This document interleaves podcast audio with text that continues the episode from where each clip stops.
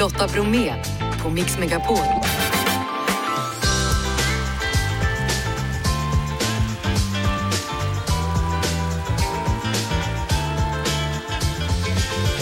Hallå där och varmt välkommen in till oss denna lill-lördag i dagens onsdagsmix. Budgeten, nu är den här, men hur blev den? Vildsvinen, vad är det senaste? Gäller dem? Vi kollar läget. Vi boktipsar om Spelkungen av och med Johanna Bäckström. Eby. Och Tony Irving gästar oss efter 17. Let's Dance är lagd på is men knappast Tony Irving hetare än någonsin. Han gästar oss alltså efter klockan fem. Och dessutom så pratar vi om givandet och om konst och klaner. Och ni har knappast undgått att eh, boyband är inne igen. Strax David Lindgren. Jeff, är du redo? Ja. Janne? Ja, absolut. Då kör vi! Ni har väl inte kunnat undgå att märka att vi befinner oss mitt i en boyband-yra. Total sådan eftersom en synk nu kommer tillbaka. De ska i alla fall återuppstå för en låt, det pratade vi om i fredags i Fredagshänget. Och här i Stockholm då? Jo, mitt i ett rep som heter A Show Larger Than Life på Hamburger Börs befinner han sig, David Lindgren. Hallå! Ja men tjena! Hur är läget? Du, det är bra. Jag är glad eh, och trött. Ja, Som det ska vara inför en premiär. precis. Och ni måste ju vara flera om ni ska vara ett boyband. Så Erik Segerstedt, Boris René och Mattias Andreasson bland andra, för jag antar att det är Exakt. ännu fler folk. Det dansar ja, vi, och allt. Vi, är ju- ja, visst, vi är tio pers på scenen, så det är fem i bandet, så är vi fem stycken då som är boybandet kan man säga. Mm. Och eh, vi har haft publik här nu måndag, tisdag och det har varit så roligt att få möta publiken och stämningen har varit helt fantastisk faktiskt. Du har ju sagt att om mina vänner skulle beskriva mig med en musikstil så skulle det vara boyband. Så jag antar att du, Ja. du lever din dröm nu då? Ja men det gör jag verkligen. Alltså, det är egentligen anledningen till att jag började sjunga och dansa från början. Alltså, New Kids on the Block var liksom helt... Mina väggar var helt täckta med New Kids on the Block när jag var liten. Det var liksom första kontakten jag hade med sång och dans samtidigt och blev helt fascinerad av detta. Och så sen när tonåren kom och jag, och jag själv började liksom känna att jag vill nog satsa med dans, det var då en syn kom med No Strings Attached och Popplattan och Backstreet Boys och allting. Så att jag har verkligen följt med mig hela livet. Och nu ska de återförenas, i alla fall för en låt då, med Justin Timberlake. Alltså vad känner du inför det? Nej, det var ju så, eh, så mäktigt när man, eh, när man såg att de släppte på Instagram att de hade varit i studion och spelat in en, en låt. Så att, eh, det, det känns som att det är helt perfekt timing och det känner man i publiken här också att folk har längtat efter att lyssna på de här låtarna. Det är fantastiskt, fantastisk musik verkligen. Mm. Du, vi har hört från en säker källa, så kallad, att, att en synk kan ha varit i Stockholm förra veckan. Är det så? Ja, det är någon taxichaufför som har informerat om detta nämligen. Okej, vad Du- häftigt. Ja, vi- De har, inte, de har inte varit här i alla fall. Nej, det var det jag skulle vad luska och se om det var så att de kom dit för att skulle godkänna någonting, men då var det inte så. Då. Ja, du, då hade jag ju, ja, då hade det varit en mäktig dag för mig kan jag säga dig, om det hade varit så. Ja, hade det varit så hade du väl åkt med dem och så hade det inte blivit någon föreställning imorgon. exakt, exakt. Du, vad kan man eh, liksom tänka sig då? Kläder, dansen, stilen. Vad hade du på dig till exempel Eh, 95? Alltså 95, alltså då, då hade jag ju liksom de här äh, baggy-kläderna och allting som egentligen som så ungdomarna ser ut nu för tiden. Och det, vi, har, alltså, vi har ju ett, verkligen ett sånt nummer showen också där vi throwback och kör E17 och New Kids on the Block som de såg ut på den tiden. Men annars är det ju äh, ja, alltså alla låtar liksom förhöjda och förgyllda med jättegrymma arr och eh, koreografi och eh, alltså scenografin och lamporna och allting. Det är en riktig Las Vegas-show inne på Hamburger Börs verkligen. Och Härligt. det är en och en halv timme bara ha roligt, dansa och eh, ja, njuta. Då önskar vi dig allt gott inför imorgon då premiären av A Show Larger Than Life på Hamburger Börs. Tack så mycket. Ha det bra David Lindgren. Ha det bra. Hej, hej. dig. Na, na, na. Ni kan signaturen, idag är det ju onsdag och då är det dags att prata om en spännande bok och det gör jag idag med prisbelönta journalisten och författaren Johanna Bäckström Lärneby som skrivit boken Spelkungen. Välkommen till Mix Megapol. Tack så mycket. Vem är egentligen Rade Koter som du berättar om? Ja, han är en superentreprenör skulle jag nästan vilja säga. Eh, han är en eh, arbetskraftsinvandrare som kom till Sverige i början av 70-talet. Då han 19 år, kom från dåvarande Jugoslavien och så lyckades han från två tomma händer bygga upp ett eh, spelimperium med illegala spelautomater värt hundratals miljoner kronor när det stod på toppen. Så, så där är innan kasinorna tog över och de här Las Vegas-maskinerna? Ja, Las Vegas-maskinerna fanns också. Så det här är en slags Las Vegas-maskin kan man säga. Om alla vet ju så här Jack Vegas och Miss Vegas hur de ser ut och det här var snarlika. Det var, han kom på ett sätt att programmera dem själv. Han var väldigt eh, duktig på elektronik och eh, på var väldigt före sin tid när det gäller tekniken och internet och så kan man, kan man säga. Eh, Mm. Det, det är ju tredje delen det här då, en serie som du har om Göteborgs undre värld. Varför började du intressera dig för den? Jag har ju varit krimreporter väldigt länge i, på Göteborgs-Posten tidigare, så att det var så, så som det blev naturligt för mig att skriva dokumentära krimböcker eftersom jag kombinerar det med journalistiken. Så att på det sättet så är det inte så konstigt. Sen är det just krimjournalistiken eller de berättelserna, jag brukar säga att jag tycker att det är, eh, det, det är liksom ämnet som, som har allt i sig. Det är kärlek och det är hat och det är avund och det är girighet och det är pengar och det är död och det är liv. Alla de här livets stora känslor är liksom koncentrerade i en liten buljongtärning. Om man kollar alltså bland recensionerna, den är så fin den här. Om du någon gång under läsningen kommer på det med att tro att du läser en kriminalroman, håll upp en stund och påminn dig om att det här är en reportagebok. Här finns inga fantasier eller överdrifter. Nej, nej, det är ju fantastiska ord. Och det måste vara en fantastisk bok med andra ord. Ja, jag hoppas det. Jag hoppas det. De som har läst den tycker väldigt mycket om den. Jag tycker naturligtvis att det, det är det bästa jag förmådde göra av det materialet i alla fall. Så jag själv är väldigt nöjd och jag är glad att den har hittills i alla fall tagits emot så väl. Så vad handlar nästa bok om? Jag brukar alltid säga att det är min sista som jag har skrivit. Jag har sagt tre gånger nu så jag vet inte om mitt förlag tror på mig. Men när jag väl höll på med den här då tänkte jag sen nästa gång ska jag skriva fiktion så jag kan hitta på saker ur minnet och inte behöver göra sån otrolig research hela tiden som krävs i journalistiken. Det blir spännande att läsa den då. Tack. Tack för att du kom hit och berättade om Spelkungen av Johanna Bäckström Lerneby. Alltså. Lotta Bromé på Mix Megapol. Idag så har ju den nya budgeten presenterats och det har blivit både ris och ros och Theo han tog sig ut på stan för att kolla läget då och undrade, är du en vinnare eller förlorare med tanke på den nya budgeten? Vi får väl se. jag vet faktiskt inte. Jag är inte så insatt. Ja, det är väl ingen större skillnad tror jag. Vi, vi är ju pensionärer och får någon hundralapp mer i månaden eventuellt. Då, men det tar vi igen på något annat så att det, det går vi jämnt ut. Så nej, ingen vinnare direkt. Varken eller eller både och. Det, det är en del pluspunkter och en del minuspunkter. Vad är pluspunkterna skulle du säga? Pluspunkterna är att man sänker skatten, både jobbskatteavdrag och en viss sänkning för pensionärer. Det är ett plus. Minus är att man tog bort den här äh, gränsen för statlig skatt, eller att man rev ner den. Man ska inte göra sådana undantag när man har bestämt tillsammans hur man ska lägga upp det hela. Det är dåligt. Vi har ju skänkt så mycket pengar till Ukraina så att eh, pengarna hade nog kunnat stanna här i Sverige tycker jag. Ja. Det är så det är. Känner du dig som en vinnare eller förlorare med den nya budgeten? förlorare. Varför då? För de inte höjde den statliga skatten. Ja, alltså jag är nog inte så påläst där tror jag. Sänkta skatter på snus låter ju inte så bra tycker jag. Jag, jag gillar inte tobak. Eh, Så det, det är... Du älskar det? Okej. ja, jag förstår. Du lyssnar på Lotta Bromé på Mix Megapol. Tony Irving, Let's Dance-domaren, proffsdansaren, entertainern, matresaren som med lätta steg har tagit sig in här i Mix Megapol-studion. Tack så mycket för detta. Jag knappt känner igen mig själv med alla de underrubriker. Är det sant? Ja, tack. Men, men jag fick ju lära mig någonting när jag var ute och hämtade kaffe och du satt här utanför och väntade och det är att du har börjat med stå-upp-komik. Det är inte ståuppkomik. I alla shower så gör jag ungefär 15 till 20 minuter var jag underhåller med humor. Men jag gör det genom att bjuda folk upp på scenen och sen lär jag dem lite mus. Sen gör jag total narr av dem i 15 minuter. Men Det är underbart. Det är jättetaskigt. Nej men det är fantastiskt. Det är väldigt givande för mig. ja, men de här stackarna som, som åker på båtresa då, hur ska de ha det? Ja, Liksom? men de, de vet, när jag bjuder upp dem, de vet vad kommer att hända. Jag har gjort det här i 18 år med dem. Så de är full insatt i att är, är du en offer som jag bjuder upp på scenen Oj, så oj, förbered dig för en rejäl sågning. Jaha. Jag vet en gång jag var ute och, och reste med några kamrater och så anmälde de mig till en hemsk tävling.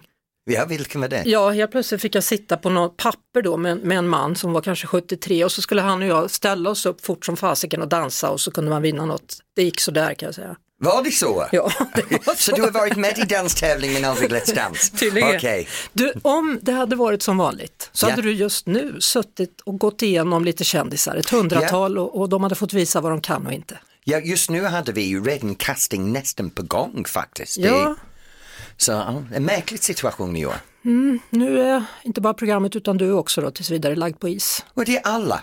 Um, um, vi har 165 personer som jobbar med Let's Dance. Så det är en väldigt stor produktion som är vilande för ett år. Så vad känner du inför det då? Det är bra. Det är bra. Vi har gjort det 18 år. När vi startade 2006 så ser vi rätt så lika ut. Världen har ändrats, tv-tittning har ändrats och någonstans måste vi hinna ikapp samhället. Mm. Vi är en, Let's Dance är en titter nu i live-tv och folk gör inte det. Jag själv tittar inte på uh, normal eh, tv så det är svårt att sitta här och säga titta på oss på lördag kväll när jag själv tittar dagen efter på streaming. Mm. Så. Ja, alltså, men om det hade varit Mm. eh, en test just nu och jag till exempel hade kommit in där då, vad, vad Ja. skulle du utsätta mig för då, förutom förnedra mig som du gör med dem på båten? Jag hade satt dig tillsammans med en yrkesdansare Ja. och sen hade den Tobias fått... säkert hade jag fått tror jag, han får alltid de lite krångligare. Nej, du, nej, nej, inte Tobias. Du hade fått din andra Tobias, Tobias Bade, Jaha, han hade okej. passat dig. Han är lugn och sansad så Ja, du ja. kan blomstra. Uh, och sen hade du fått prövdansa med dem, testa lite olika danser, vi hade sett din, du vet, din balanskontroll och sen Tobias hade sagt ja eller nej och du hade sagt ja eller nej och så kommer du upp bland alla andra då. Balansen tror jag eh, skulle vara okej, men det är ju liksom det här att komma ihåg stegen, det är ju det. Men det roliga är att det blir bra när du glömmer stegen för det är det som är underhållning i Ja, det hela. och det är då du kommer and Ja. takes the piss out of me. Yes! Ja. Ja. Let's Dance i originalversionen då, David Ja. Bowie. Är det någon som du gillade när du var yngre? Det bara, ja, lite det här androgynin, lite, du vet, inte behöver bestämma mig hur jag vill klä mig idag. Lite små feminin men ändå försöka vara maskulin, det var roligt. Ja, hur hade du det i din uppväxt då? Min uppväxt, um, små bin, ja, väldigt enkelt som er, små bin, väldigt mycket stereotyper, tvungna att anpassa till stereotyper, uh, väldigt mycket kyrkligt. Så kyrkan var i centrum för mig, så det är väldigt mycket kontrollmekanismen på plats. Var det katolsk kyrka eller var det engelska nej, kyrkan? det, det är både och. Ja. Det här är grejen. Vi startade med katolsk, så jag är kristen, uh, katolskyrkan. Mm. Men sen bytte vi när jag var liten över till den engelska kyrkan. För det fanns ingen romerska katolsk i själva byn. Jaha, då har du fått lära dig allt möjligt då? Det har jag gjort och jag gick säga. kyrkskolan till jag var Ja. 16. Du, Så. berätta för mig, The Tony Irving Experience. Ja, det där var börjat som en skämt. För jag har fått en fråga i en intervju, när du är ute och gör någonting nu att du är så gammal och avdankad och kan inte röra dig så bra själv längre. Vad är det du faktiskt, du säljer min show? Jag sa, ja men my experience. Och då var det, mm, my experience plus en upplevelse. Så okej, nu gör jag en turné. Och så satt vi ihop och kallade det Tony Irving The Experience. Ja, och då får man alltså tillbringa 24 timmar med dig. Ja. Det är liksom uppleva dig under 24 timmar. Man får leva med mig på ett hotell i 24 timmar. Det är afternoon tea, alla engelska med, med föreläsning, det är danslektion, det är allt möjligt. Det är mig i nötskal. Lite udda. Men sover man i samma rum också? Only om, bara om man betalar extra. Ja, då blir det happy ending. Ja. Men då kostar det. det kostar multum. Ja. Och Ja. sen är det morgonpromenad också dagen efter. Ja, vi startar med morgonpromenad och florbar och lite danslektioner. Sen åker man hem. Det är roligt. Vilka är det som kommer då? Uh, det här går, jag har en som, uh, som kommer nästa vecka faktiskt. Jaha. Nej, nu på helgen. Ja. Uh, vi är 60 personer som checkar in på en butikshotell i Göteborg. Ja. Uh, ta över hotellet och uh, det är alla Alltså jag trodde man skulle komma en och en. Du kan inte, man kan ju inte uppleva det tillsammans med 59 andra, det är ju Jo, värdelöst. vet du, jag är väldigt, väldigt, väldigt flexibel och att anpassa mig till hela rummet. Ja, kära någon. Det händer inte så ofta att jag blir generad, men nu blev jag det, så Lalle, hjälp mig. Har pratat om Tony Irving Experience bland annat. Eh, Men det finns ju faktiskt någon som, du, som får uppleva dig varje dag, din partner. Min man faktiskt, Ja. Alexander, vi har varit uppe i tio år nu. Ja. Ja, och, och ni har ett speciellt knep för att få det att fungera. Ja, när vi blev ihop, vi, vi träffades när jag var 47 och han var 41 och då var det det här, vi har mycket bagage. Och en sak vi lär oss är att relationen behöver förnyas hela tiden. Så en gång per år på vår bröllopsdag så ställer vi varandra frågor, ska vi fortsätta ett år till? Eh, vad har vi från det här året vi måste rädda ut? Men när vi väl committar till det här, då har vi en kontrakt. Och den kontrakt är att för de nästa 12 månader vi kommer att lösa allting som kommer upp tillsammans. Alltså jag gillar det där. Det funkar jättebra. Ja, har du någon gång tvekat? Han har gjort det. Jag ska Jaha. vara ärlig, ja, han, han har jag har haft perioder där jag har jobbat lite väl för mycket. Mm. Um, jag hade ett år var jag var borta hemifrån 140 kvällar. Oj då. Um, och då satt han där och sa att det här kan vi inte fortsätta med. Så om jag går med för, för nästa år, då måste du halvera antal kvällar du är borta. Mm. Och det var fasiken, jag måste sluta testa i Göteborg.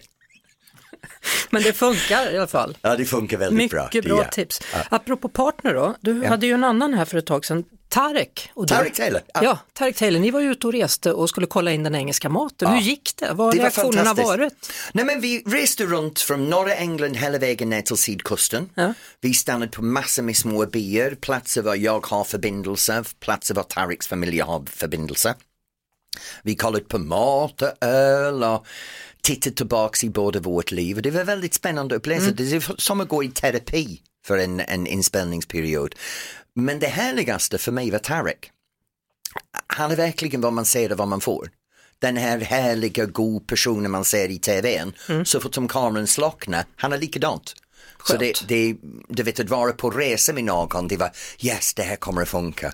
Men du, alltså engelska kokkonsten, engelsk Mm. mat, det blir inte någon fortsättning va? För det kan väl inte finnas så många rätter? Jo du, engelsk, det här är, jag menar, Förlåt, jag försöker bara det är lite problem, du slår mig i ansiktet hela tiden Lotta, det har jag lärt mig fort. Um, nej men det, det här med engelska mat, vi är en multikulturell, mu- multikulturell samhälle, så maten är som någon hybrid av olika, är som, na- nationalrätten är en tikka masala. Jag menar om, om man tycker att England är bara gråa dullpajer och soggy fish and chips, då har man fel. Så- Njurpaj tänkte jag på. Ja, njurpaj, ja men den däremot, den är fantastisk. Kul att du tycker det. Jag älskar den. Så det blir en fortsättning då på serien, tror du? Eh, Nej, nej, Nej. men Tarik och jag fortsätter jobba tillsammans. Vad ska ni göra då? Vi har en koncept som heter Once, uh, once in a lifetime. Ja. Som vi gör tillsammans med Livescene Scandinavia och då åker vi utomlands tillsammans och tar med oss folk. Så folk kan resa med mig och Tar- Tarik för en mat och kulturupplevelse. Alltså, ska jag inte med på det också tycker du? Jag, jag... Vill du det? Ja. ja, men vänta nu, då kan vi göra tre. Vi tar dem för mat, resor och uppkäftighetslektion. Så gör vi. It's a deal, Tony Good. Irving. Tack. Tack. för att du kom. Tack själv. Hej. Lotta Bromé på Mix Megapol. Eh, Som ni vet, idag presenterade regeringen sin höstbudget och med mig nu för att hjälpa oss navigera vad den betyder för hushållen, Magnus Hjelmér, vardagsekonom från ICA-banken. Välkommen till Mix Megapol. Tack så jättemycket. Ja du, dina spontana tankar när du fick se höstbudgeten? Nej, men jag, jag tycker att det är en ganska rimlig budget utifrån eh, hur läget ser ut idag. Med tanke på inflationen så vill vi ju inte riktigt liksom elda på det här så att hushållen ska helst ha lite mindre pengar men ändå klara liksom den här kostnadstoppen som har varit. Så nej, men ganska sund. Eh, sen kanske jag hade velat sett lite mer liksom kräm till företagarna så vi inte går för långt ner i lågkonjunkturen. Vi var ju ute på stan då och kollade med folk, vilka är, känner du dig som en vinnare eller känner du dig som en förlorare? Och, och de flesta vet inte så mycket. Hur ska man tänka när det kommer en ny budget? Hur gör man som privatperson då för att bena ut, var befinner jag mig i det här? Men det, är ju ganska rörigt, får man väl lov att säga, hela budgetprocessen som, som eh, regeringen har. Eh, Men jag tror så här, man, man behöver sitta lite still i båten tills, tills liksom det här eh, benas ut på något sätt och, och det blir lite tydligt vad som gäller för en. Men enklast tycker jag nästan det, är faktiskt att titta på, på presskonferensen. Där tycker jag man får en ganska bra bild. Mm. Ehm, Men som sagt, det är lite svårnavigerat och jag förstår att människor har lite svårt att se så här, vad, what's in it for me, så att säga. Så när du tittar på den då, vilka är vinnarna? Vad ser du? Ja, men vinnarna framförallt i den här budgeten, det är låg och medelinkomsttagare. Eh, Man tyckte ju själv att förra budgeten, ja men det var höginkomsttagarna som, som var vinnarna eh, och även då de som, som är, vad ska vi säga, som är bidragstagande eller som har det ännu tuffare då har fått sitt. Så nu var det låg och medelinkomsttagarna som det framförallt gynnade. Och vilka är förlorarna då? Ja, men eh, kanske höginkomsttagarna återigen då. Eh, tittar vi, eller återigen, men tittar vi, på, tittar vi på den budgeten som är lagd så är det väl egentligen inget direkt som pekar åt deras håll. Och det betyder då att, att Moderaterna även då har fått kritik från sitt håll, då, sina egna, Mm, som mm. säger att det här är för lamt. Ja, precis. Och så är det kritik samtidigt då från oppositionen som säger det här är för lamt. Ja, det är mycket kritik, men det, men det är också så här, det ska vi säga, det är kanske den knivigaste budgeten att lägga nu utifrån läget. Jag menar, tuffar ekonomin på och, och det liksom är full gas, ja men då är det ganska lätt. Eh, nu försöker vi liksom hålla också statsbudgeten här så att vi inte skuldsätter oss för mycket. Magnus, titta i din spåkula och tala om för oss, vad kommer hända? Ja, men som det ser ut nu så, så kommer Riksbanken höja med 25 punkter som det så fint heter på ekonomspråk, alltså 0,25 procent. Och hur blir det för alla då som har lån? Ja, för de som har rörlig polon så kommer det här egentligen nästan växlas ut direkt, det vill säga räkna med 25 punkters höjning. Eh, så det är ju, vi har ju haft så mycket höjningar nu liksom, men det kommer en till eh, sista här. Sen tycker jag att, att det är ju ändå många där ute som kanske inte äger sitt boende och då kan man ju fråga sig, kommer räntehöjningen påverka mig då? Ja, men säg att du kanske leasar en bil. Den har ofta rörlig ränta och då påverkas det av, av Riksbankens räntehöjning. Så det kan ju vara ett sätt, eller ett blankolån kan ju faktiskt också påverkas. Mm. Så vad gör det för hushållens ekonomi när det här höjs imorgon igen då? då? Om det nu blir så, Ja, vilket men- du tror, Ja, vilket ja, du är säker på. jag är nästan säker. Ja. Nej men det gör ganska mycket. Eh, Vi är, jag ska, jag ska inte säga nästan på bristningsgränsen, men det kommer rapporter nu från eh, Kronofogden bland annat att, att det aldrig varit så mycket ansökningar om, om skuldsanering. Sen är det ju så att det är skillnad på att, att söka om skuldsanering och ha liksom en, en ekonomisk svårighet just nu, så det bör man också se, se, eh, se lite på. Man, man brukar alltid säga nu höjs räntan i Sverige för nu höjde de den i USA och den här gången så höjde de den inte i USA men vi höjer ändå då tydligen. Mm, mm. För att? Nej, men vår, våran inflationsbekämpning ser lite olika ut och ligger lite ofas kan man säga. Sen är det ju så att vi är väldigt beroende av både USA och Europe- Europeiska centralbanken. Eh, och man brukar säga att, att liksom ränten, ränteskillnaden kan inte vara för stor för det kommer påverka då våra, våra valutor ännu mer. Så vi får försöka hålla oss då framförallt enligt SB, eh, ECBs eh, liksom riktlinjer och, och riktning. Mm. Eh, så därför, USA är lite före, vi ligger lite efter. Och eh, den stackars kronan då, den har halkat efter rejält. Ja, det är ju, har, vi har inte sett så här svag krona på, på hur många år som helst. Nej. Nej, det är nästan så att man skulle kunna kalla den skräp, skräpvaluta. Oj, oj, oj, oj. Ja, Men om vi pratar om den här lilla räntan då som troligtvis höjs imorgon då, ska den höjas ännu fler gånger eller räcker det nu?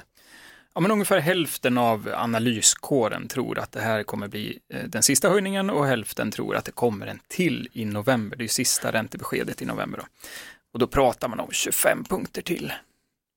Mm. Och då är det i så fall en halv procent till då Ja. som man ska ha med när man beräknar sina kostnader. Ja, och det, det vi ska tänka på det är 70 procent av, av Sveriges hushåll som har bundna lån, de kommer löpa ut under 2023. Så då har ju givetvis en, en hel mängd gjort det redan. Men det är många som fortfarande kommer möta det här räntemonstret i dörren. Oj, oj, oj. Och så Mm. kommer elen och elräkningarna Ja, och sen går vi under. nej, nej. vad skönt. Men det kommer ju en julhandel också, den går säkert Ja. jättebra. För det ju, den slår ju alltid rekord. Ja, nu hoppas vi att, att vi håller i pengarna där faktiskt. Det gör så. Ja. Tack så mycket vardagsekonom Magnus Hjelmér från ICA-banken. Kul att ha dig här. Tack så mycket. Theo, Lotta, Jeanette och Janne säger tack och hej. Vi hejar på United ikväll. Det kommer bli en svår match, men vem vet? Kanske kan hända något, Janne. Ja då, bollen är runt. Och gräset är grönt faktiskt. Ja, så är det. Producent för allt detta, Jeff Neumann. Vi hörs imorgon igen. Hej! Ett poddtips från Podplay. I fallen jag aldrig glömmer djupdyker Hasse Aro i arbetet bakom några av Sveriges mest uppseendeväckande brottsutredningar. Går vi in med hemlig telefonavlyssning och, och då upplever vi att vi får en total förändring av hans beteende. Vad är det som händer nu? Vem är det som läcker? Och så säger han att jag är kriminell, jag har varit kriminell i hela mitt liv men att mörda ett barn, där går min gräns. Nya säsongen av Fallen jag aldrig glömmer på Podplay.